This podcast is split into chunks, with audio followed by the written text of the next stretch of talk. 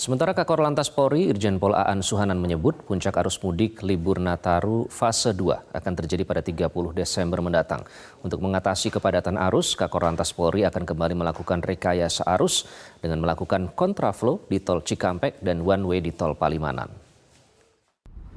Kemudian untuk uh, arus mudik kedua untuk libur Natal kita juga sudah mensimulasikan ya jatuh pada tanggal 30 kemungkinan nanti untuk puncak arus mudik yang kedua.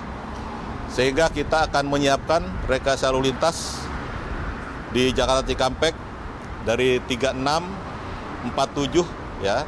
Kita akan melakukan kontraflow dari satu lajur kemudian 47 sampai dengan 72 itu tiga lajur. Dan Cipali kita akan berlakukan one way sampai dengan 188. Jelajahi cara baru mendapatkan informasi. Download Metro TV Extend sekarang.